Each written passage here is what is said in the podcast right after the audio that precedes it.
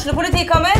Ine Jansen er purk. Er du purk? The motherfucking bitch. Alt jeg vil, er å finne ut hva som skjedde med mannen min. Jon Carew. Er jeg sikta for noe? Iben Akeli. Det er du. Ole So, Lars Berrum og Big Daddy Karsten. Hvem sin side er du på, egentlig? Anette Hoff, Tone Danielsen, Kommer du fra Afrika? Jørnis Josef, Nesten. Kløfta. Trond Espen Seim, Det er synd å si det, men det var feil mann som døde. Purk. Premiere tirsdag på TV2 Play. Ungsamtalen fra DNB er økonomisk veiledning tilpasset deg som er ung. Bokk en ungsamtale på dnb.no. slash ung. Det er kjempebra hvis du skal inn på boligmarkedet, hvis det er drømmen din, liksom. Det er det du skulle sagt. Og så kunne du ropt litt mer, da, sånn som jeg gjorde. Bam! Åh,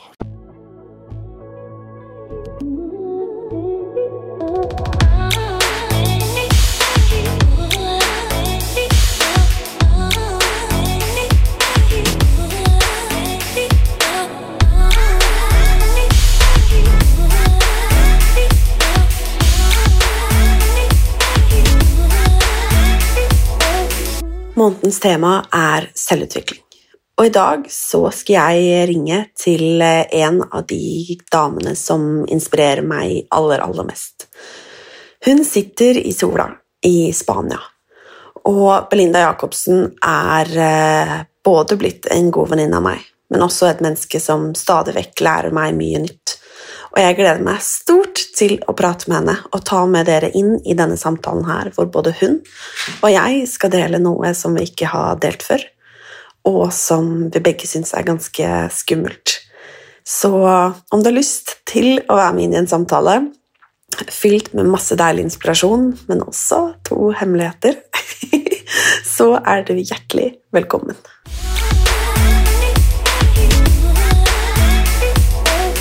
Vi har gjort en avtale i dag, Belinda. det er at vi skal fortelle hver vår hemmelighet. Eller hva, skal, vi, hva skal vi kalle det? Eh, hver vår uh... Suksess. Ja, det er kanskje det vi skal kalle det. For det føles litt ut som en hemmelighet. Litt sånn derre nei, å nei, uh, dette er noe jeg må holde for meg selv.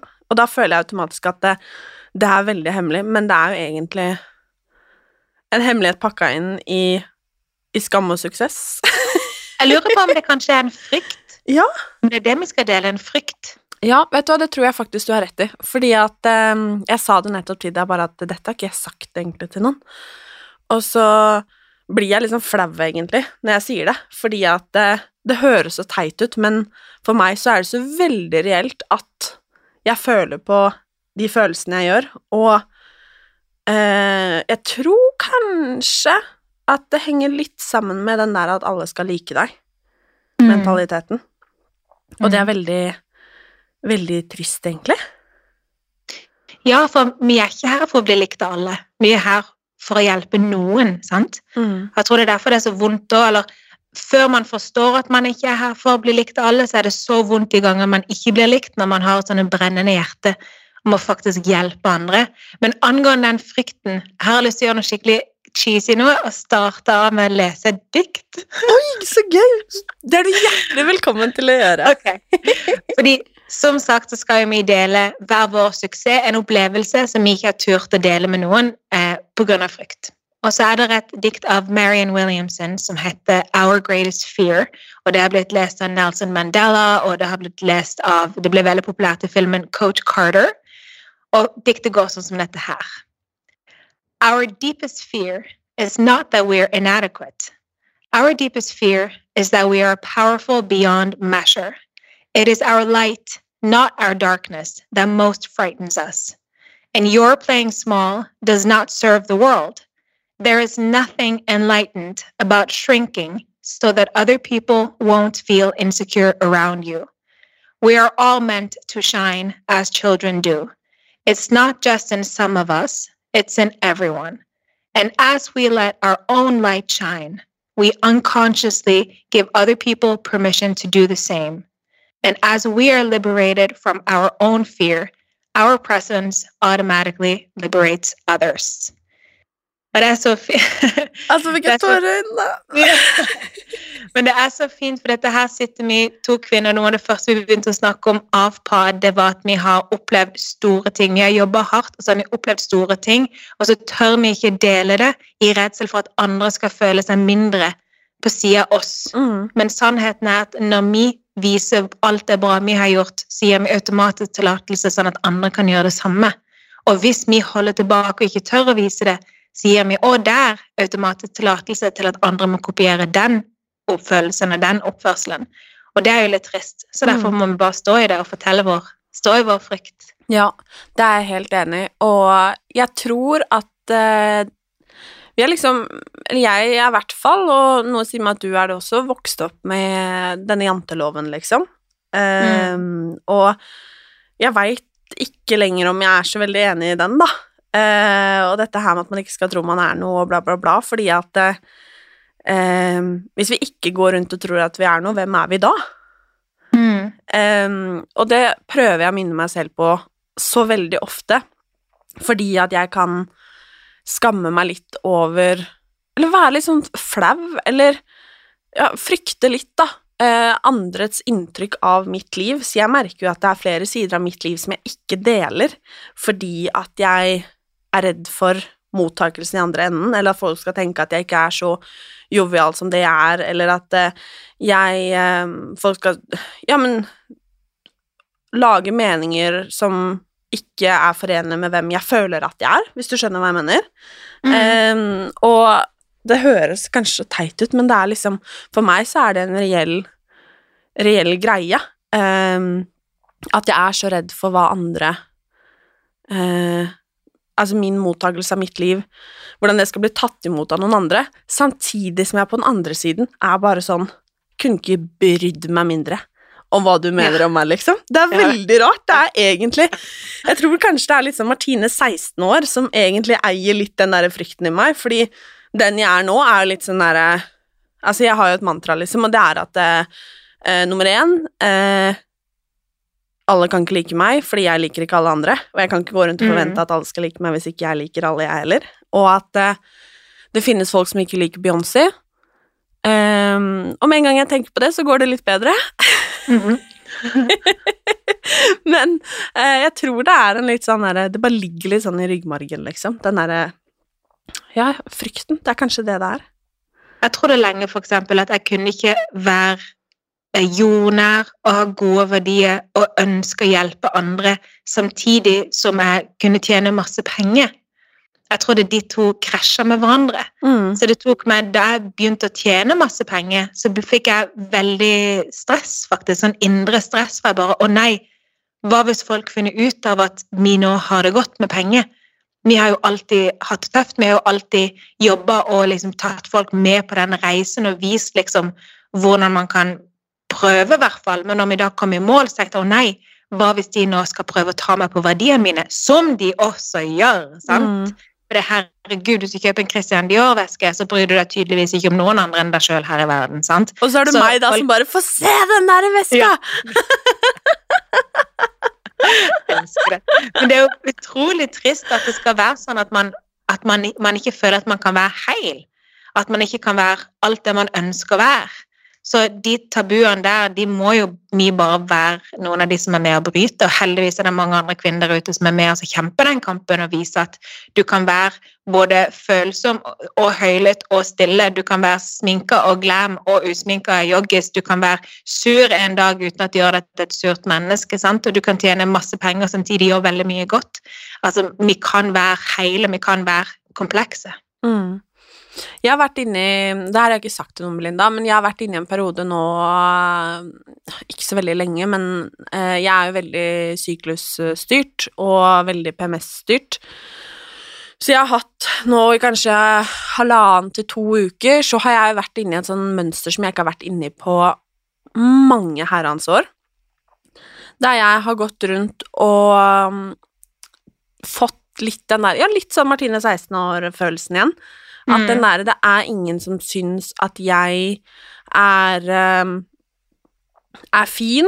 Det er ingen som syns at jeg er liksom um, Det handler egentlig ikke om verdien min. Det handler egentlig om liksom et sånn derre rart bekreftelsesbehov i at liksom jeg er uh,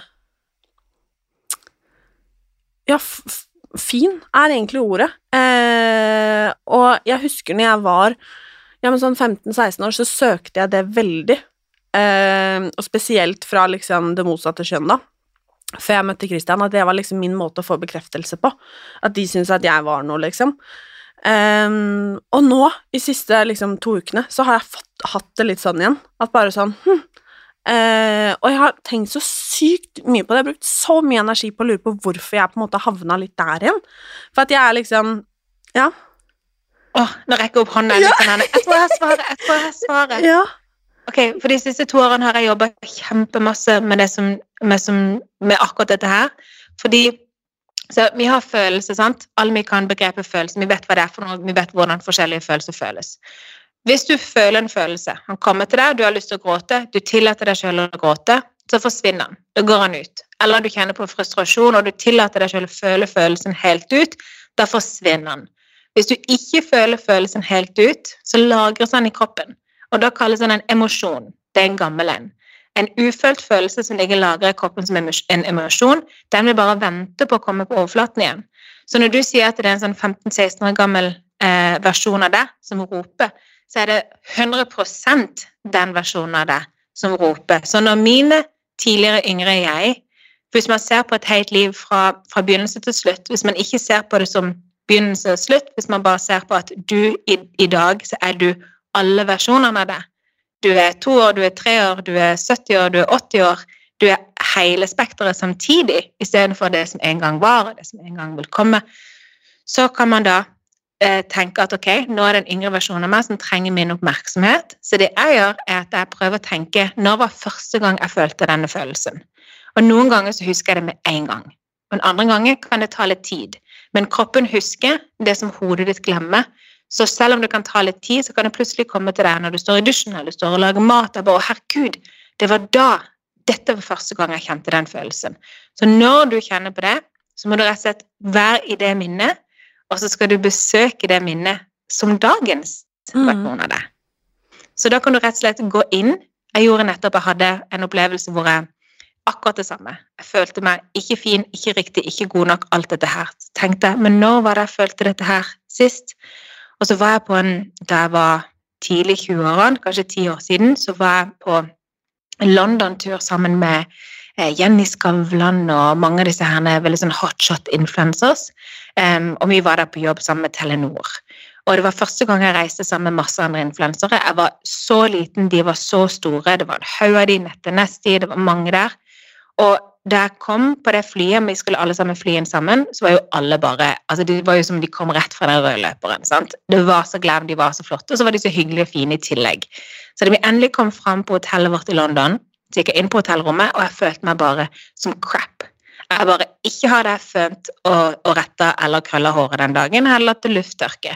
Jeg vet ikke om jeg hadde noe særlig sminke på meg, og klærne mine var noe gammelt, noe som var komfortabelt. sant? Og jeg kjente bare hvordan hele meg var ukomfortabel, åpna kofferten min og tenkte det er ingenting i her som kan matche.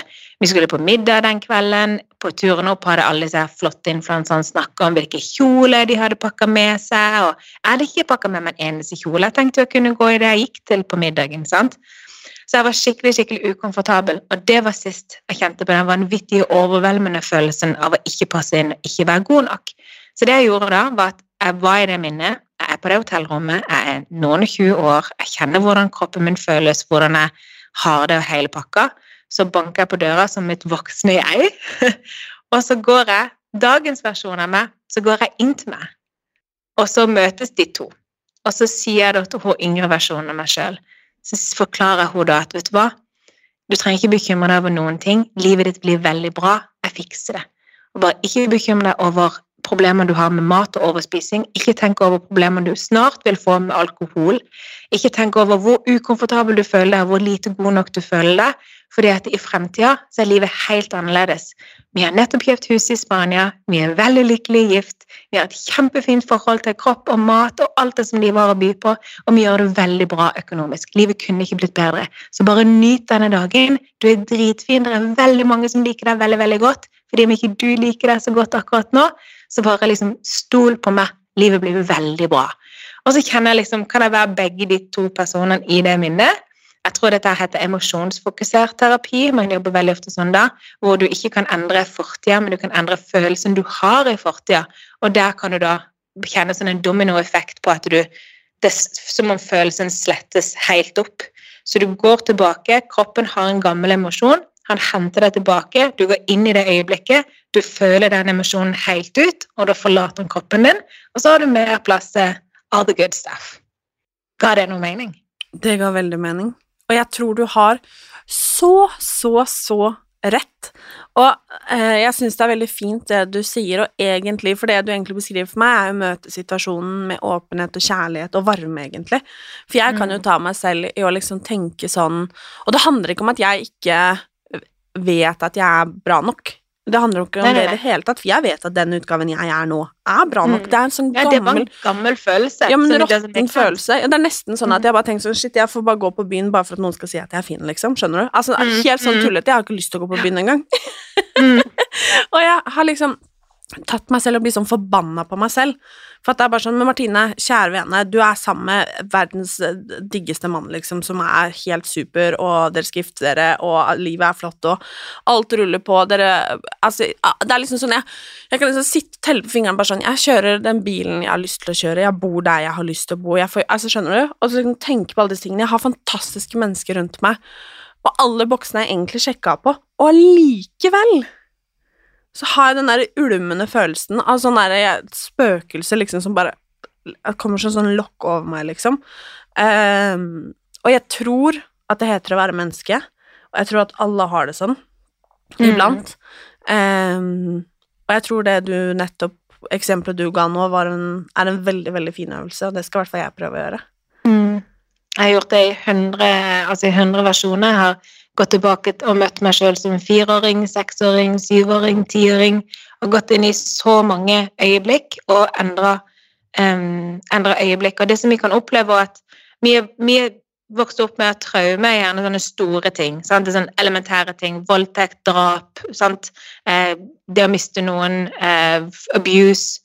Men T-trauma, disse små traumene våre, de som gjerne er med på å skape følelser som ligger lagra i kroppen, det kan være det å ikke bli sett i et øyeblikk du trenger å bli sett på. Det kan være å komme inn til foreldrene dine, og de ikke kikker opp fra telefonen sin. Sant? Så det kan være så lite. Så når, når, din kropp roper på deg og forteller deg at ikke du er fin nok, så er det din jobb å lytte og spørre deg sjøl når begynte dette her? Sånn at du kan gå tilbake og sette fri den yngre versjonen av deg som sitter fast i det. Mm. Så det, det, er kjempefascinerende, og jeg tror Hvis jeg skulle gitt sånn ett tips til hva man bør jobbe med for å bli sluppen fri, så er det dette her. Så hver gang jeg kjenner på en følelse som jeg vet at ikke kommer fra her og nå, så gjør jeg denne øvelsen. Og nå har jeg gjort det i ca. et år, og jeg har aldri følt meg mer til stede, mer kontakt med meg sjøl. Aldri følt at hjernen min kan skape så mange ting og ha så mange prosjekter på en gang. Um, og ha, det, ha, plass til så mye gode følelser. Da. Så det er, det er helt skikkelig fascinerende jobb å gjøre å gå inn og renske opp gamle følelser. Veldig, veldig godt tips. Og jeg har mm. veldig lyst også til å gå eh, litt tilbake til eh, Belinda for noen år siden også. Eh, mm. Og eh, vi... To sekunder. Uh, nei. Sorry, nå må du redigere. Ja, nei, det går veldig bra. Ja. Nei, um, jeg har veldig lyst til å gå tilbake til uh, den litt yngre versjonen av Belinda også, uh, og få være med lite grann på reisen fram til der du nå sitter i, uh, i Spania og lever ditt beste liv. Um, for jeg tror at veldig mange de som Eh, både lytter her, men også som følger, følger, både deg og meg, er i en sånn prosess at man gjerne har lyst til å komme til ikke nødvendigvis et mål, men en tilfredsstillende følelse, at man er på et sted i livet som bare føles, føles bra. Um, og jeg føler jo på mange måter at du er en av de som har liksom hacka det. Altså funnet liksom Og jeg vet at ikke hver dag er er perfekt, eller at uh, livet liksom er ti av ti hele tiden, eller Det er det ikke for noen av oss, men allikevel, de der uh, knaggene du har funnet på veien for å faktisk være altså den sinnssykt grå utgaven du er nå, liksom, av deg selv. Um, Og jeg har litt lyst til å gå tilbake til uh, når du bodde i eh, USA. mm. og hvor Og egentlig få høre hvordan du har endret deg fra da eh, til til i dag. Og det begynner jo å bli noen år nå. Mm. Oi, skal vi se, For seks-syv år siden så bodde jeg da studert studerte i California. Um, bodde sammen med to venninner i en leilighet vi leide rett ved siden av campus. Og um, det var en sånn en lang drøm jeg hadde hatt, å bo i California. Det som overrasket meg veldig, var hvor ensom jeg skulle være der. Um, jeg var eldre enn de andre som jeg gikk på college med. Jeg har aldri vært så veldig glad i å feste. Har mer lyst på liksom, gjerne en dyp samtale over et glass vin, men um, Så jeg var veldig mye alene. Jeg hadde en kreftsyk far hjemme i Norge. Um, og klarte, ikke, jeg klarte ikke helt å finne meg sjøl, men samtidig så var jeg nok Jeg kjenner veldig meg i den versjonen. Jeg jeg har veldig godt av å være i et varmt og godt klima med åpne folk og møte mennesker fra masse forskjellige kulturer um, som har sånn en åpent sinn. Så den jenta som var i California, var veldig lik meg. Og hun forsvant fullstendig da jeg kom hjem til Norge igjen. Um, jeg dro hjem, jeg avbrøt semesteret mitt for å være med pappa, som da um, hadde kommet til den siste fasen, og jeg ville være med han de siste månedene etter han døde, så ble jeg bare dratt opp av min mann, eh, min nåværende mann, eh, som da eh, vi flytta sammen på bare noen få dager. ingen av oss hadde en plass å bo. var, altså, at meg og han fungerte, det klarer jeg ikke å forstå. men vi bestemte oss da i en sånn merkelig fase. Jeg hadde nettopp mista min far, og hvis jeg ikke skulle tilbake til USA, skulle jeg være i Norge, jeg hadde ingen plass å bo, bodde i min avdøde fars hus. og og han var rykende fersk fra en skilsmisse, bodde hos en kompis og visste ikke helt hva han skulle gjøre. Og vi bare ok. Vi skulle jobbe sammen på et prosjekt, og vi bare ok, fuck it, dette her funker jo. Altså, skal vi bare teste? skal vi bare flytte sammen um, og starte bedrift og et liv sammen? Et helt annerledes liv. Um, og i, i, den fasen der så skulle jeg oppleve å bli mer forelska enn jeg noen gang har vært i mitt liv. Han er mitt første forhold. Jeg har alltid vært livredd for forhold, livredd for å forplikte meg. Så jeg skulle oppleve det å bli, ja, bli så hodestupsforelska, bli bonusmor til to av de mest veloppdratte og flotteste barna ever, og samtidig miste meg sjøl 100% Så hun denne lette, livsglade, brune, trente jenta fra California, hun ble erstatta med en veldig jeg har aldri vært så tung og så mørk som jeg var i den fasen, og så ute av meg sjøl. Eh, så jeg hadde noen år der i oppstarten med min mann, um, hvor vi da starta selskap og, og, gjorde hele den pakka. Um, og jobba hardt, hvor jeg bare var fullstendig ute av kontakt med meg sjøl. Og da begynte jeg jo å drikke en del eh, i det skjulte for å prøve å få opp Jeg syntes så synd på de rundt meg for at de måtte være rundt et så dårlig, så inneslutta humør, da. Så jeg merka at når jeg drakk, så ble jeg jo litt sånn her Sant? Da slapp jeg litt alle de mørke tankene. Så jeg brukte det i noen år, um, som selvfølgelig ikke er heldig i det hele tatt. Men her forleden dag, så faktisk bare to dager siden i helga, så fant jeg en sånn gammel dagbok som jeg hadde begynt å skrive i da vi akkurat hadde kjøpt vårt første hus i Norge. Så vi begynte jo med min mann begynte from scratch. Vi hadde ingenting. Vi flytta sammen i en leilighet. Jeg hadde en rosa koffert med bikini fra California. Han hadde noen søppelsekker med klær fra sin skilsmisse. Ingen av oss hadde noen som helst penger. Og vi ikke Vi leide en leilighet. Vi hadde ikke Målet var å få inn en kunde som kunne betale for husleia neste måned. Um, vi hadde lånt penger til absolutt alt. Vi hadde ikke håndklær. Det var sånn denne, Vi ringte rundt til familie og venner og bare Er det noen som har noe håndklær til overs? Liksom, hvis hver familie vi kjenner, har ett håndkle til overs, så har vi plutselig nok håndklær. sant? Og um, ja, Så helt oppriktig from scratch. Eh, det tok meg lang tid å få en full krydderhylle. Og jeg husker den dagen jeg hadde en full krydderhylle som var sånn Oh my God! I'm rich! Så um, så endte vi da opp med å få kjøpt et fantastisk hus. Vi hadde kjøpt det fine funkishuset, jeg hadde fått bilen jeg ville ha, vi hadde fått tatt over store kontorer, fått ansatte, alt hadde på en måte begynt å fungere. Og så kjente jeg bare at jeg har det ikke greit. Eh, og jeg følte meg så sykt som verdens dårligste menneske. For hvordan, hvordan, kan du si at ikke du har det greit, når du ser på hvordan folk lever rundt omkring i verden, sammenlignet hvordan jeg levde? og så satt jeg der og ikke hadde det greit. Så jeg bar så mye skam på det. Men så skrev, kjøpte jeg en sånn en dagbok, og så skrev jeg ned Who am I becoming? Så har jeg tatt bilde av den. Jeg har det på telefonen her nå. Jeg, jeg skrev Hvis jeg fortsetter i denne retninga, så hvem er det jeg da holder på å bli? Når jeg er 40, da vil jeg mest sannsynligvis ha fått liksom utvikle hagen på dette huset. Jeg ville um, fått til kontorene, flere ansatte, uh, og liksom, ja, hele den der pakka. Og når jeg skrev dette her, så var jeg sånn, jeg var sånn dårlig. Og så skrev jeg en ny side, så skrev jeg Who do I want to become? Og så gjorde jeg det samme der, og der skrev jeg da at jeg ønska uh, å bo i utlandet. Jeg ønsker å jobbe med online-kurs, skrive bøker og holde events. Og det er helt crazy, fordi dette her er um, to år siden, snart tre år siden, tror jeg. Og nå så holder vi på å lansere noen nye kurs som har kommet av boka jeg har skrevet, som ikke Ingen visste at det eksisterte da jeg skrev dette her. På denne tida så jobba jeg kun med Instagram, og jeg jobba som konsulent.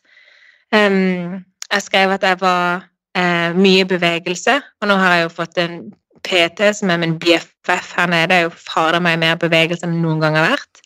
Um, jeg skriver at jeg har eh, flere hunder. Uh, det har jeg nå.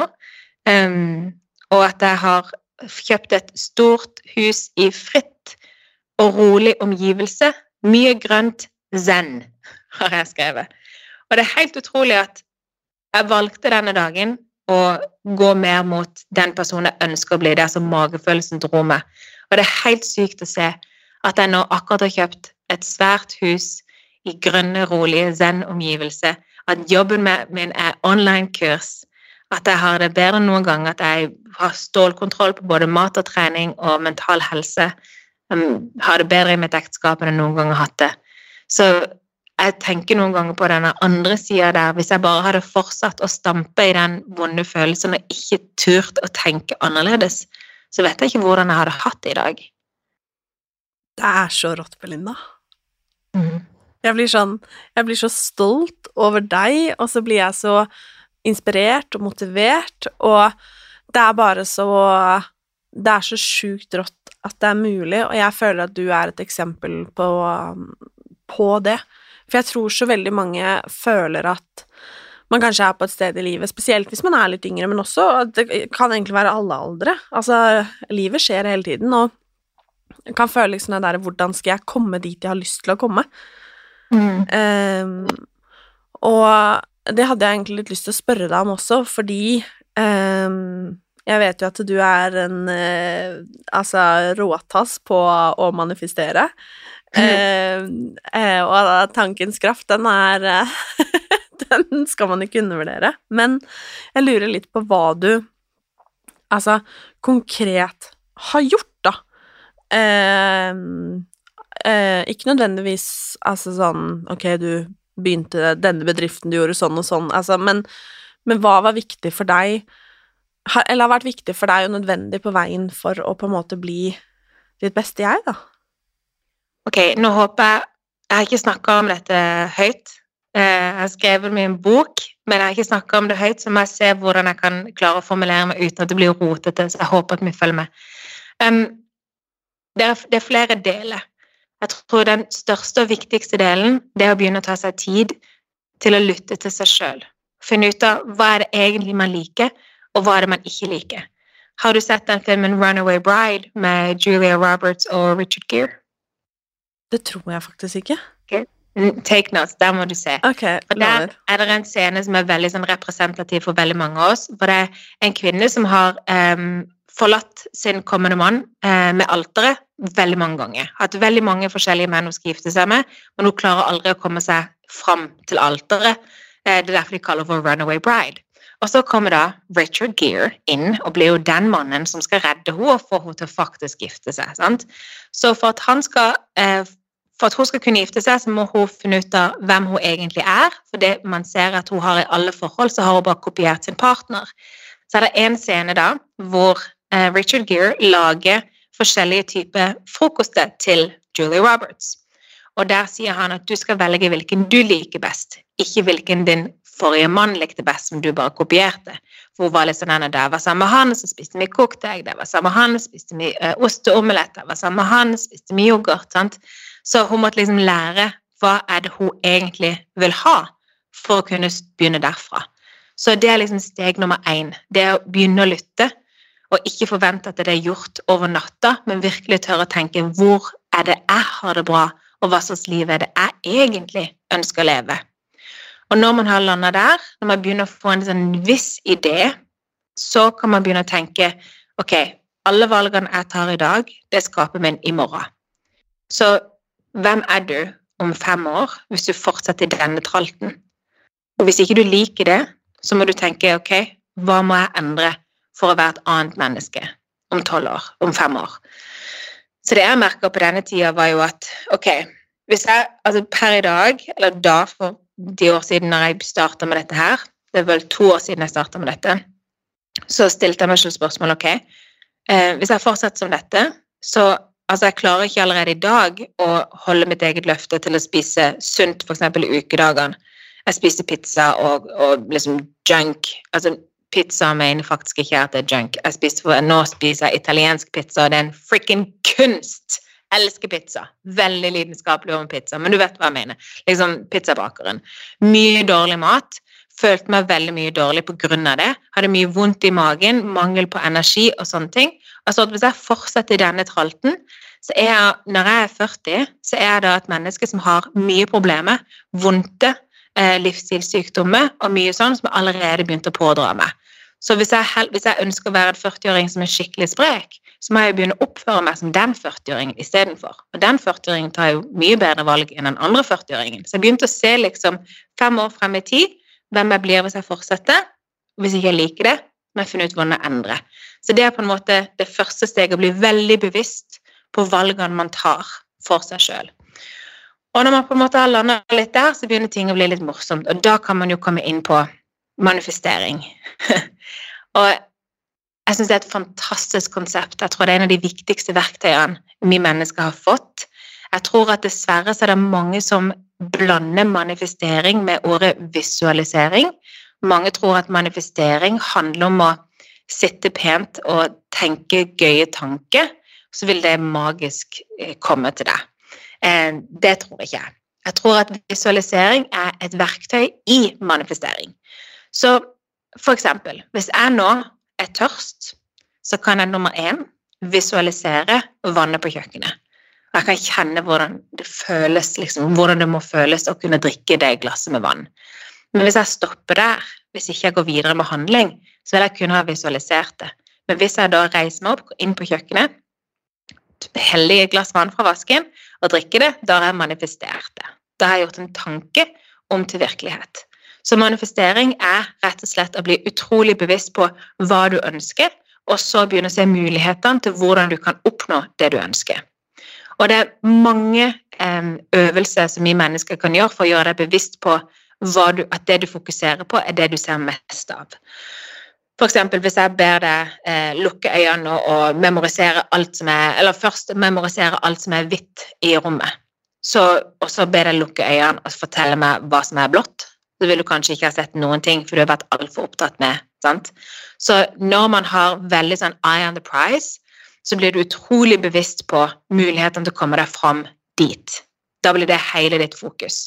Så det er på en måte den praktiske delen av det. Det er da å først spesialisere, være utrolig um, spesifikk på at du vet at dette her er At du kan identifisere deg med sluttresultatet. Sant? Så for eksempel så var ei som kom til meg og så sa hun, hei, jeg ønsker at du skal lære meg um, dropshipping, som er en form for nettsalg. Som du kan tjene mye penger på hvis du er heldig. Um, og så hun bare Jeg tror jeg har funnet ut at dette er, den, dette er det jeg vil gjøre. Sånn kan jeg tjene masse penger. Sånn kan jeg manifestere masse penger. Så sa jeg ok, kan du se for deg at du de neste fem årene sitter 12-14 timer bak en datamaskin? Kan du identifisere deg med det, med, med den livsstilen? Og da sa hun nei. Jeg elsker jo, jeg takler ikke å sitte for mye på data, jeg må være mye ute i naturen. Så jeg ok, da er ikke dette veien for deg å gå da er det ikke her du skal manifestere penger. Sant? Så det er veldig mange som, som, glemmer å identifisere seg med sluttresultatet for å se er dette noe jeg virkelig har lyst til, eller er det bare naboen som har fått det til, og det ser kult ut? Sant? Så når du på en måte har virkelig landa i hva du ønsker, så kan man begynne å tenke litt sånn kvantefysikk eller astrophysics og eh, energi. Så jeg tror jo fortere vi kan forstå at alt rundt oss er avsendere og mottakere av energi, jo lettere er det å forstå den energiske delen av manifestering. For sannheten er at du kan ta instrumentet, og du kan måle energien på alt rundt deg. Og hadde vi kunnet sett energien i lamper, i dyna, i senga, i stolen, i dataen, i oss, så hadde vi òg lettere forstått hvordan man kan jobbe med energi. Så vår kropp inneholder jo fuckloads av atomer. Et atom tror jeg inneholder noe sånn som 1,8 volt. Altså arrester meg hvis jeg tar feil, men basically så er vi bare vanvittige batterier. Vi er full i energi. Og så kan du øke eller synke frekvensen. Kan, hvor sterk den energien er, det kan, kan, du kontrollere basert på følelse. Og mange av oss kan ha merka at vi har kommet inn i et rom til to mennesker, og så bare Oi, eh, du føler bare at nå gikk jeg inn på noe her, sant? Ingen har sagt noe, du har ikke blitt, blitt bedt om å gå ut, du har ikke hørt noen ting, men energien sier at 'oi, her skal ikke jeg være'. sant? Så energien vår, den sterkeste energien vi kan føle Hvis du skal måle energien din, hvis vi hadde hatt en konkurranse i hvem som kan skyte ut mest energi, det er glede og takknemlighet. Så når du skal manifestere, så kan du se for deg at hvis du kobler deg på de følelsene, så vil du sende ut masse energi, og den energien kan skape noen sånn ganger, noen sånn veier, som er lettere for deg å gå i etterkant. Så når jeg skal manifestere, så har jeg da først gjort grunnarbeidet. Jeg vet akkurat hva som er bra for meg, hva jeg ønsker, og hvem jeg ønsker å være. Og så begynner jeg å rett og slett koble meg på sluttresultatet. Så hvis jeg ønsker å eh, kjøpe meg et hus, som jeg nylig har gjort, så tenker ikke jeg på alt det praktiske. For det er 100 grunner til at jeg ikke kan få kjøpt et hus. Sant? De ønsker ikke jeg å henge meg opp i. Jeg henger meg opp i sluttresultatet. Hvordan føles det når alt har gått? Når alt gikk min vei? Når huset er der? Hvordan føles det når jeg står i gang og åpner døra, og mamma skal se huset mitt for første gang? Hvordan føles det å kunne invitere hele familien til jul? Hvordan føles det når min bonusdatter skal gifte seg i hagen min? Sant?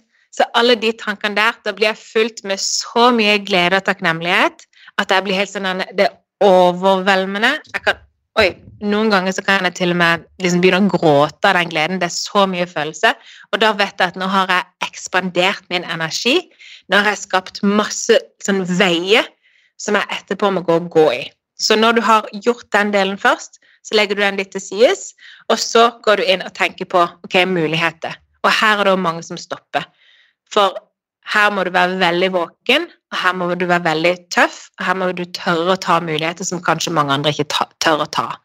Så for eksempel igjen så var det ei som fortalte meg at hun eh, for et par sommer siden eh, hadde jobba med å manifestere en Tesla.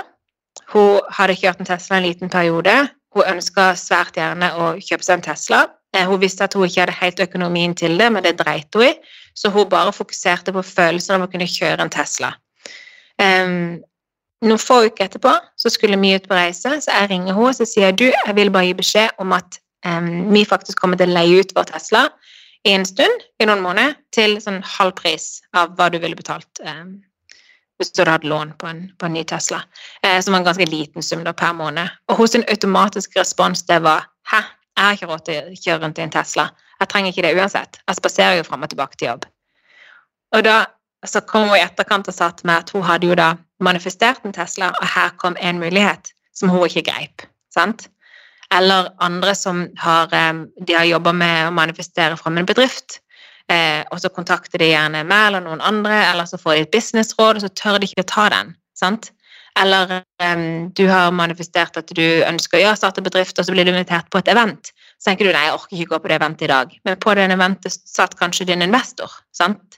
Som du gikk glipp av. Så man må være utrolig um, utrolig bevisst på muligheter som vil komme din vei. Så for eksempel da vi da nå med huset, da, som jeg jobber veldig veldig intenst med eh, I to uker jeg sendte en melding til min søster og så skrev jeg nå skal jeg manifestere frem huset. Jeg er klar. Vi kommer til å få huset på en måte som jeg ennå ikke forstår. Jeg kommer til å få sjokk når det først kommer i gang, men det kommer til å bli amazing. Så gikk det en uke, så hadde vi huset. Og det var helt sjukt, eh, skal jeg fortelle. Men her kommer det inn til det som vi opprinnelig snakka om i starten av denne Oh, podkasten. yes. Nå her kommer kommer Nå frykten kommer over det. at alle skal bli sure på meg. Og jeg gleder meg. Ok. Historien om hvordan vi kjøpte hus uten å ha penger til å kjøpe hus. Så jeg jobber med dette med manifestering. Jeg jobber heftig med å bare føle følelsen av hvordan vil det være når alt sammen har gått i gang. Dette er For de av dere som er interessert i energi, så er dette her å sitte i sin feminine energi. Den feminine energien sitter stille, it doesn't chase, it attracts, og er veldig rolig og veldig følsom. Den maskuline energien den er mer løsningsorientert, og den går ut og jobber. Så jeg hadde på en måte gitt den maskuline delen til min mann, mens jeg sjøl skulle ta den feminine delen. Så jeg har sagt til min mann at vær veldig våken og årvåken nå hvis det kommer noen muligheter, for dette, nå kommer huset vårt, nå er det på vei. sant? Og han eh, syntes jo jeg var idiot de første gangene jeg snakka sånn til han i starten, men nå har vi opplevd sånne ting så mange ganger at han nå er bare fullstendig med. Og så hadde vi da vært på det siste året vi har vært på kanskje 40 visninger. Alt var feil. Med hvert eneste hus var noe feil. I tillegg til at det var feil, så fikk vi ikke lån i, i Spania. Fordi at eh, Ja, 100 kroner. Ny bedrift her. eh, Hele dette her. Så, eh, men vi fortsatte å gå på visninger. Så hadde vi da bestemt oss for Rett etter jeg hadde begynt med denne manifesteringa, så var vi så slitne fordi at vi hadde funnet et kjempefint hus vi hadde mista. I etterkant fant vi ut at området det var i, var et veldig dårlig område, så jeg er glad for at vi mista det huset. Men jeg begynte å tvile litt på meg sjøl og ble litt sånn lei meg, for dette, jeg drev jo nå så aktivt og manifesterte, og nå gjorde jeg det veldig strategisk, og basert på mine år med erfaring, så trodde jeg nå at jeg hadde knukket koden. Så jeg begynte å tvile litt, men jeg holdt fortsatt fast. Og hver dag så satte jeg meg kun ned og fokuserte på hvordan ville det føles når alt har gått min vei. Så kom min mann til meg tirsdags kveld for noen uker siden, og så sier han Blinde, jeg har en liten idé. Han bare, Hva hvis vi endrer liksom, budsjettet og endrer måten vi søker på hus på? Hva hvis vi ser om det er noen hus som ligger både oppe til leie og til salg? Kanskje de er villige til å gjøre en avtale med oss på et eller annet vis? Fordi her i Spania så kan du kjøpe hus enten via bank, som du gjør i Norge, eller så kan du kjøpe det direkte via eier. Så vi kjenner noen andre som har kjøpt direkte via eier, vi har vært og sett på kontraktene de har laga med norske advokater og alt dette her, som er på en måte gjort til denne forarbeidet. sant? Og så sier min mann da, kom, eh, rett etter han hadde sagt meg hva vi gjør på det, dette det viset, så sa jeg til han ok, la oss gi det en siste sjanse. Så kom det opp et hus, og han sa ok, nå går vi på en siste visning. Etter dette her så lukker vi dette kapitlet. Og så hvis ikke det går, så bor, fortsetter vi bare å leie et år til og ser igjen til neste år. Så jeg, ok. Og her er det litt morsomt, fordi i denne prosessen hvor vi har lett etter hus, så har veldig mange sendt meg linker til hus som er til salgs rundt omkring i Spania. Men veldig mange av de eh, er ikke noe for oss, fordi vi har ønska en ganske stor hage. Vi ønsker å ha hunder som kan springe fritt, og ha kyllinger og liksom hele den pakka, ha litt event i hagen. Så for at andre skal forstå hva slags hus de kan sende til meg på link eller ikke, for jeg føler meg så dårlig når jeg hele tida bare Nei takk, det var ikke noe for oss. Nei takk, det var ikke noe for oss. Så har jeg da sagt både på sosiale medier og til de rundt meg at hvis, du, hvis ikke du kan plassere en ku i hagen min, så er det ikke min hage. Ok? Så ikke send meg en link med mindre du kan plassere en ku der. Og sånn klarte jeg liksom å screene ganske mye av, av dette. Så kom vi da på visning. Jeg spurte min mann på forhånd hva koster dette huset her egentlig. Så sier han nei, vi trenger ikke tenke så mye på det. Da var det litt over dobbelt av vårt budsjett. Så vi hadde sett for oss at vi kanskje kunne å herregud, det er vondt å snakke om tall. Vi hadde sett for oss at vi kanskje kunne kjøpe et hus rundt 8 millioner, og dette huset ligger vel på en Det kommer helt an på euroen, og det kommer helt an på omkostningene og alt hvor det lander på til slutt, men 16-17-18 mill., kanskje. Kanskje 20, hvis vi skal gjøre et par andre ting. Eh, så du skjønner at det er en ganske stor gap, sant? Eh, så jeg bare ok, vi, får bare gå likevel. Vi går på visning dagen etterpå, og det første som slår meg, det er at dette er huset vårt. Så jeg står innenfor porten, jeg kikker i to sekunder, og så sier jeg til min mann dette er huset vårt. Og han, ble, han, tar det så seriøst at han bare Er det sant? Er det dette som er huset vårt? Jeg bare Ja, dette er huset vårt. Jeg kan føle det er manifestert på dette. I know. Så går vi rundt til forsiden av huset, og det første vi ser der, det er en svær, falsk ku midt i hagen. Og da begynner vi bare å le. Jeg poster det på sosiale medier, og mine følgere bare Are you kidding me? Du har sagt hele tida at hvis du ikke kan plassere en ku i hagen, så er det ikke din hage. Så det som er at de som bor der nå, de har kjøpt en sånn en Ale Håp-ku. Til de som har reist rundt omkring her i Spania, så er det en butikk som heter Ale Håp med en sånn svær falsk ku, og den sto da midt i hagen. Så det var nesten som om universet bare Gotcha! You said you want a cow. Here's your motherfucking cow. Sant? Oh my var- god. Altså, jeg- det er sånn jeg får gåsehud, liksom. All over. Det er så deilig. Og så um, var det et annet par på visning. Huset hadde blitt lagt ut bare dagen før. Det er et svært hus. Det har nesten 300, nei, 3000 um, kvadratmeter med etablert hage. Det er, liksom, det er utrolig flott. Uh, de sa at det var 700 kvadratmeter, men jeg tror jeg var løgn. Jeg tror det på rundt 500 kvadratmeter. Men det er fortsatt et svært hus. Um, veldig rolig omgivelse. Helt nydelig. Så var det et annet par på visning, og de la inn bud pronto. Um, selvfølgelig. Så var vi på visning da med denne megleren, gikk rundt ute, og jeg sa bare til ham flere ganger dette er vårt hus. dette er vårt hus. Så kommer eieren av huset, eller dattera til eieren. Så de som eide huset, det var da et eldre ektepar. Far døde for noen år siden. Mor har akkurat flytta ut, for huset er for stort for henne. Dattera tar over og skal selge huset. Så jeg møter hun dattera. Hun har på seg en, en, en, genser med norsk flagg på, av alle ting.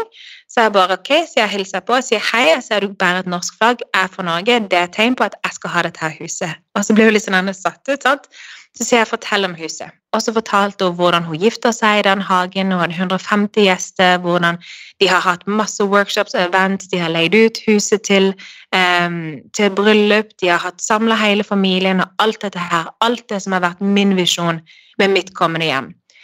Og så hun, nei, så forklarer hun hvordan faren hennes da hadde tenkt da han hadde bygd dette huset. Og så forteller, hun meg at faren hennes døde for ti år siden, og da begynner jeg å grine fordi min far var død. Hun begynner å grine fordi hos en far er død. Så står vi der i hagen og gråter over fedre og hvor mye vi elsker vår familie. Eh, og klemmer hverandre. Og min mann og han andre megleren de står og ser på bare hva er det egentlig som skjer nå. sant? Og så um, går vi videre på for resten, resten av visninga for å sette huset inni og alt dette her. Og så sier jeg flere ganger bare dette her er huset mitt, dette her er huset mitt. Og så går det ja, vet ikke hvor lang tid, men så ser jeg at hun står og snakker litt med megleren på spansk. Og med den lille spansken jeg har fått lært, så tror jeg skjønner at hun forklarer at hun vil at vi skal ha dette huset. Og da ble jeg litt stressa, fordi de andre hadde jo kommet inn og lagt inn bud allerede. Og så snur hun seg til oss, og så sier hun, vet du hva, jeg lovte mine foreldre at dette huset skal kun selges hvis jeg føler på magefølelsen at de riktige eierne har kommet for å ta, ta over. Og bare, det er dere. Og så hun var akkurat like sånn spirituell og sær som det jeg er, sant? og jeg begynner å grine igjen, og hun begynner å grine, alle sammen griner. Og så kommer det, vi bare, du, lite problem. Eh, vi får ikke lån til å kjøpe dette huset. Og hun bare, nei, men ikke tenk på det, du kjøper det fra meg. Så bare, ok, for vi, vi, vi kan kjøpe det fra deg, men da må vi kjøpe det i pulje, vi kan ikke kjøpe det, vi kan ikke kjøpe det ut cash eh, dagen, liksom. Hun bare, nei, nei, du kjøper det fra meg, kjøper det i pulje, bare sett opp en kontrakt. Eh, det er ikke så viktig. Det viktigste er at det er dere som får huset, eh, så bare sett opp en kontrakt, eh, ta det med advokatene, og så finner vi en løsning på det. Ikke tenk på det. Og vi bare, herregud, ok, eh, så enkelt og så greit. Og så gikk det vel tre-fire dager, så tenkte vi jo fortsatt, en ting er jo å, å få lov til å kjøpe huset direkte ved eier, men du har jo fortsatt noen vanvittige avdrag på et sånt hus som faktisk skal betales, sant? Så gikk det vel tre eller fire dager, så fikk vår spanske, eh, vårt spanske selskap en helt unik eh, mulighet. Jeg tjente insane mye penger, som gjør at vi nå kan kjøpe huset nesten cash eh, fra starten av. Og det er historien om hvordan vi har kjøpt hus i Spania. Sorry til alle som fikk den lyden der i øret. Skjer? Vet du hva? Jeg måtte ta meg mange dager med fri for å prosessere hva som skjedde. Jeg klarte ikke å forstå, jeg har fortsatt problemer med å forstå. Hvordan gikk dette her seg til? Altså, jeg har, helt sånn, jeg har sånn prikking i hele brystet, Belinda. Vet du hva? Er ikke livet deilig? Hæ? Det er det faktisk. Og der igjen så får jeg jo med en gang vondt på Ja, men hva med alle de som ikke har et liv som er deilig? Jeg vet hvordan det føles, for jeg veldig lenge hadde et liv som ikke var deilig. Men nå er livet veldig deilig. Og det får søren meg være greit, og det var akkurat det der vi snakka om, som vi begge kan kjenne oss igjen i, det der at vi ikke forteller ting som er kult, eller som man har oppnådd, eller som er liksom er fett, da, fordi at man er redd, altså redde for at andre skal bli lei seg.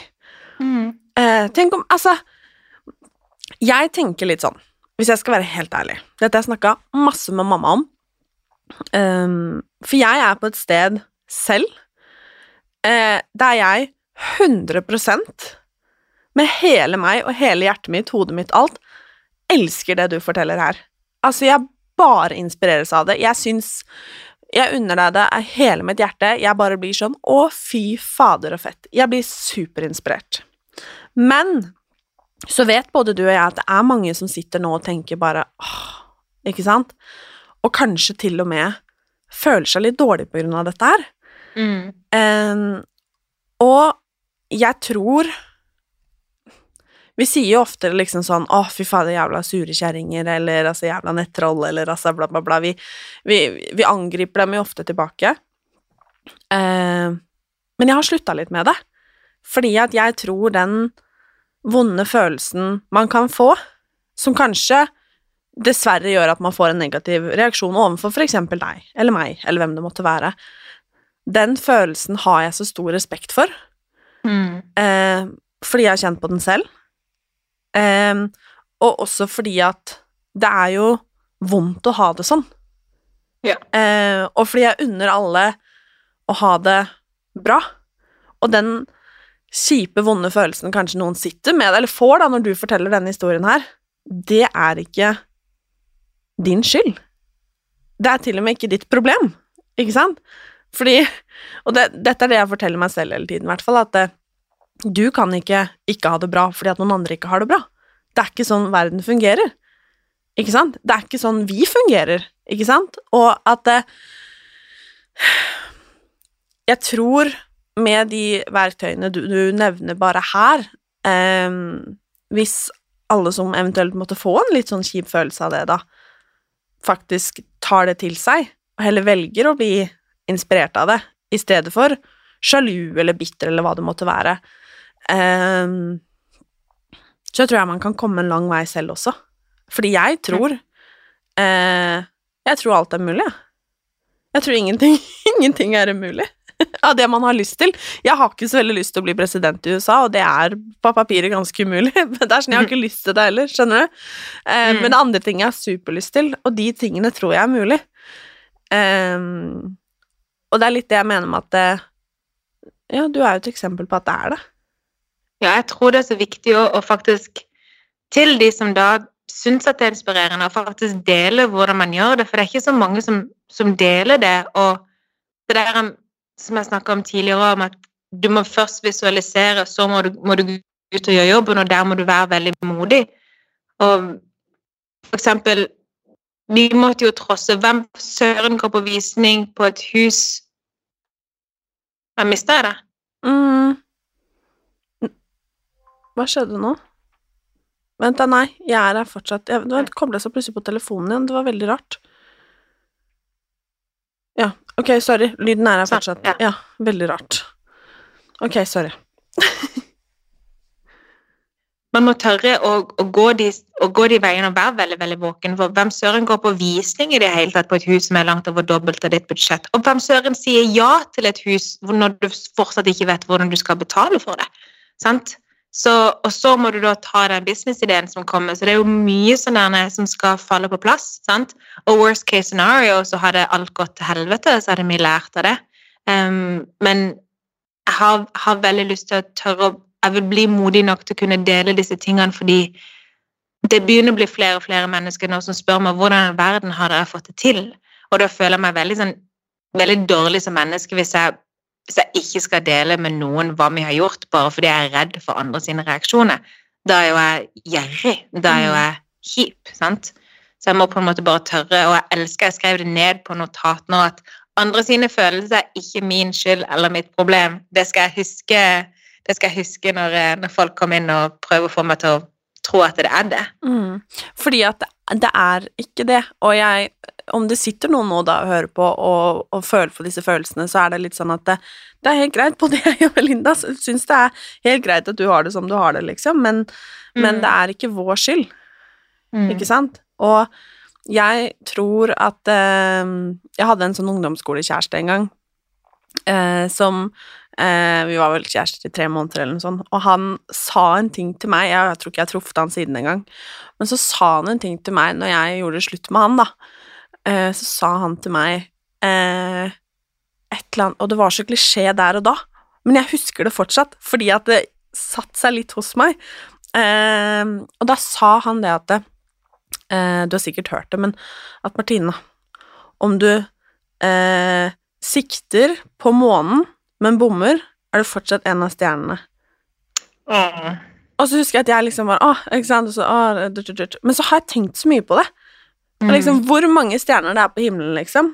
Og det er liksom Jeg er så glad for at jeg har kommet dit selv at jeg unner deg 100 suksess uten at mm. jeg lar det påvirke min egen. Skjønner du hva jeg mener? Mm. At jeg bare tenker 'fy fader, så fett at Belinda får til det', da kan jeg få til mm. dette.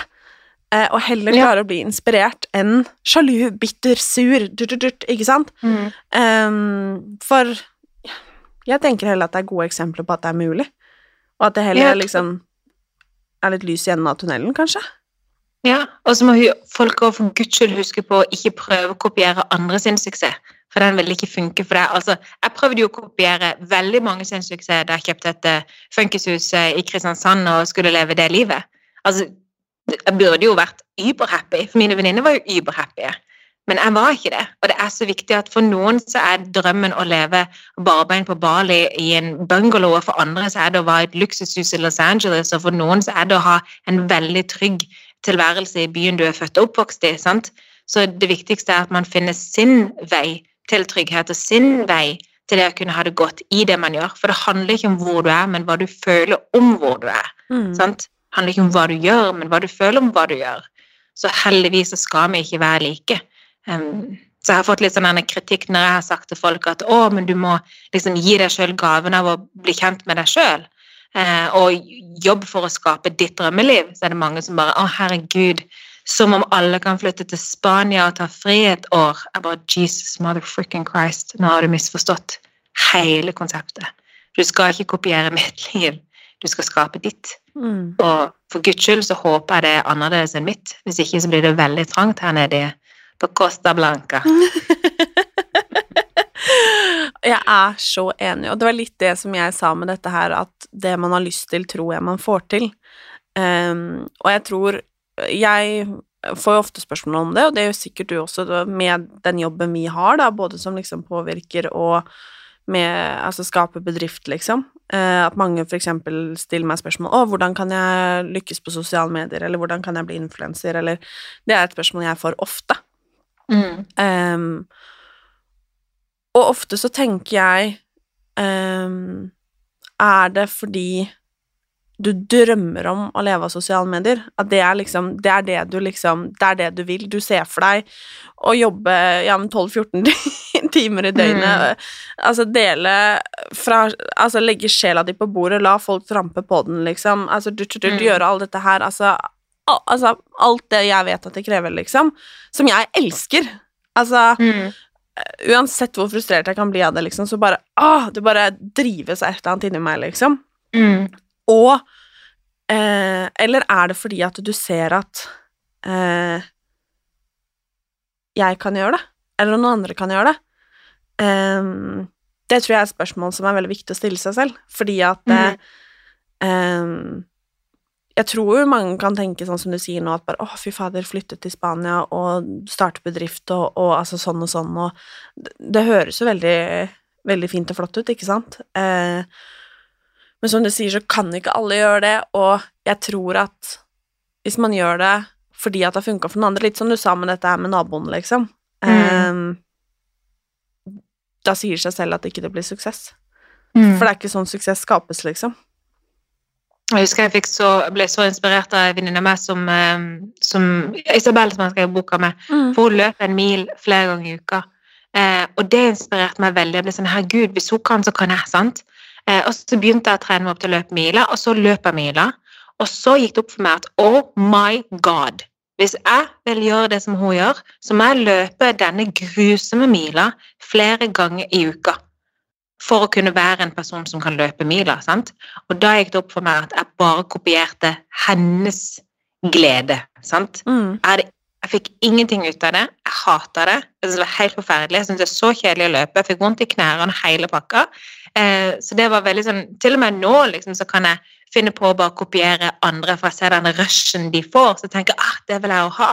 Men der igjen, å løpe miler er ikke det samme som å holde seg i form til å kunne løpe miler. Sant? Det krever jo ganske mye innsats, og det krever innsats ikke bare på fine dager med sol og i en hyggelig omgivelse, det krever innsats på eh, heftige dager, det krever innsats i regnvær, det krever innsats i tordenvær og på sludd og på snø. Sant?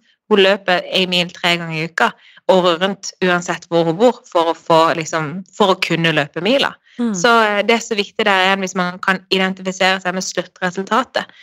Og dette her med alle de som vil være influensere, og det er det jeg spør de òg.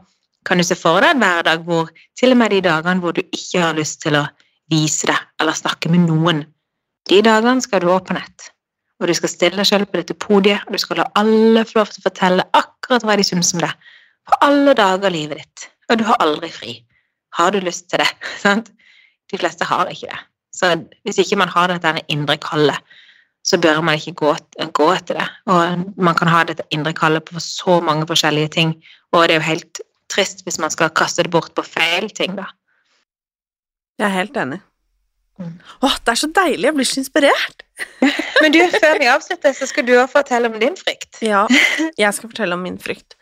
For um, jeg ehm, Jeg merker at jeg syns det er vanskelig å snakke om det. Det er veldig rart. Og jeg er så åpen. Jeg kan, sitte, jeg, jeg kan liksom eh, fortelle at jeg har liksom eh, Får liksom eh, Altså analkrampen har mensen. Ikke det kan jeg godt, godt fortelle om, liksom. Null stress. Men liksom det her og Det er veldig rart. Eh, det er helt normalt, forresten, har jeg skjønt, å få det når man har mensen. Men anyways Em, eh, Jeg har jo eh, egentlig alltid skjønt, men ikke helt embraced det, eh, at jeg em, elsker å skape. Jeg elsker å drive for meg selv, eh, med alt det det innebærer. Eh, jeg elsker å jobbe, og jeg elsker å jobbe hardt. Og det er ikke noe jeg bare sier, for det også er sånn jeg kan skamme meg for litt innimellom, at litt den derre 'Å, jeg elsker å jobbe, du må jobbe hardt', men, men jeg gjør oppriktig det. Jeg eh, Det gir meg energi, liksom, eh, av, av å kicke ass, da. Eh, og så er det dager der jeg bare har helt utladning og ikke egentlig orker å jobbe i det hele tatt, liksom, for de kommer innimellom, men det er bare Ja. Em, og eh, vi bor jo i utlandet eh, ni måneder i året, åtte-ni måneder i året når det er hockeysesong, og så bor jo vi hjemme i Norge utenom. Og hver gang jeg kommer hjem, sånn som jeg har gjort nå, så får jeg spørsmål om eh, Hæ? Hvordan har dere råd til å bo både i utlandet og hjemme i Norge? Um, og så vet jeg aldri helt hva jeg skal svare. Og jeg tar meg selv i å svare litt sånn at eh, Eh, Nei, du skjønner det at eh, fordi at eh, laget til Christian betaler leiligheten der hvor vi bor, og så eh, jobber vi jo masse så, så at vi kan ha liksom en leilighet hjemme i Norge òg. Og så tar jeg meg selv i at Martin, hvorfor ljuger du, på en måte? Eh, og alt det jeg sa nå, var sant.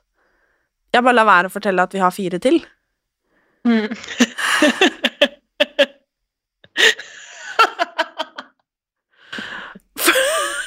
Fordi at jeg er så redd for at folk skal synes at jeg er helt klin kokos, liksom. Er ikke det rart? Du investerer i eiendom. Det er akkurat det. Du er en eiendomsmogul. Det er jo fantastisk. Og jeg hadde ett ønske Um, Når eh, jeg fylte 25 år i januar, eh, så hadde jeg sagt til både pappa og Christian um, at uh, ett mål er at vi skal kjøpe en til leilighet i bursdagsgave til meg selv. Uh, det har jeg ikke sagt til noen at vi gjorde. Um, fordi at uh, jeg Nummer én fordi jeg gjorde det for, for meg selv, og dette er jo noe jeg gjør med Christian, så vi er jo to om det, men det var noe sånn Det var for meg, liksom, og ikke nødvendigvis noe jeg må fortelle til andre. Men så klarer jeg ikke helt bestemme om det er fordi at jeg vil holde det for meg selv, eller fordi at jeg skammer meg for det. Fordi Mm. at jeg er redd for at det, liksom, å, folk skal tro at liksom At jeg liksom Jeg veit ikke. Gjør det så jævla bra, da. Altså, skjønner du hva jeg mener? Det, er så Og jeg lovte deg, siden du skulle fortelle denne hushistorien i, i Spania, at jeg skulle nevne det her, fordi jeg skjønner når jeg snakker om det nå, at det er tullete å, å tenke sånn, men det kommer jo fra et sted. Ehm, og det er jo disse spørsmålene med liksom Ok, ja, men herregud, hvordan har dere råd til dette, og herregud, stemmer det virkelig at dere er sånn eller sånn, og fordi det hender jo at folk får med seg ting, og Mm. dette er jo egentlig noe jeg syns er kjempeinteressant å snakke om. Dette er noe av det beste jeg vet å snakke om. Business, investeringer, eiendom, penger Altså, hvis Mm. jeg De beste samtalene jeg har, er om det, for det interesserer meg sånn. Mm. Men eh, sånn utad så syns jeg det er skummelt og vanskelig fordi at Jo, men jeg vet at det er folk som sliter med å ha penger til eller har råd til å spise middag, liksom, eller at det er folk som ikke får betalt strømregninga si, liksom, eller at det, folk driver og dør i krig, liksom. Jeg, jeg føler som på det, en sånn der samvittighetsfølelse, og det er da jeg må minne meg selv på at jeg kan ikke gå rundt og ha det dårlig fordi at noen andre har det dårlig. Um, Mm. Og så glemmer jeg at eh, alle liksom, arbeidsplassene jeg er med på å eh, skape, gi, betale for, altså alle disse tingene her. Eh, og jeg mener oppriktig, når vi i fjor sommer kjøpte en leilighet i Oslo, eh, så sa jeg oppriktig eh, Og da, da var det sånn utleiekrise i eh, Oslo, og studenter fikk ikke leiligheter og alt det her, og vi kjøpte en leilighet det var plass til tre stykker i. Og så husker jeg at jeg sa til mamma at eh, jeg syns faktisk det er ganske fint, det, at jeg kan være med å gi, skape tre Altså Eller skape et hjem for tre stykker. Tre studenter Mm. som har et sted å bo. For det fantes Mm. egentlig ikke da, liksom. Mm. Um, for det er sånn jeg egentlig ser på det også. Altså oppriktig, med hjertet mitt, liksom. Men allikevel så uh, tror jeg det er det at man er redd Eller jeg er redd for den suksessen jeg føler at folk ser. For det, at det, det kommer jo av at jeg jobber rumpa meg, liksom. Og ofrer alt jeg eier og har. Og uh, det er det vi prioriterer, liksom. Mm. Uh, og det er det vi putter hver eneste krone i, liksom. Um, og vi har gjort det selv, på egen hånd, Mm. liksom. Det er ikke Det kommer ikke fra noen arv eller noe Altså Mamma eller pappa eller de Foreldrene våre har vært helt supre med å støtte oss og hjelpe oss og alt dette her, men, men det er noe vi har gjort helt selv. Og i stedet for å være stolt over det, så tar jeg meg selv i å på en måte skamme meg litt for det. Mm. Eh, og det syns jeg vi skal lage en avtale på i dag, Linda, at vi skal slutte med. Tilbake til det diktet som vi snakket om innledningsvis, at vår, vår som i menneskehetens største frykt, det er ikke å være utilstrekkelig eller være små. Vår største frykt er faktisk å være powerful beyond measure, fordi vi er så redd for andre. Så det vi ofte gjør, det er at vi krymper oss, men det å krympe seg, det hjelper ingenting for menneskeheten rundt deg. Og når du tør å stå 100 stødig i den du er, i all din kraft, så gir vi automatisk tillatelse til at andre kan gjøre det samme. Så ja, la oss gi hverandre, og forhåpentligvis de som lytter, et løfte om at vi skal tørre å stå 100% i alt det gode og fine vi klarer å skape som menneske. Eie det, rett og slett. Avtale. Det er nok en liten prosess, men det er en avtale. Ja. Tusen hjertelig takk for at du hadde lyst til å være med og berike dagen vår, Belinda. Du er eh, til stor inspirasjon for oss alle, og I like måte. gleder meg til å følge med på alt du har i vente. Ha det. Ha det, ha det.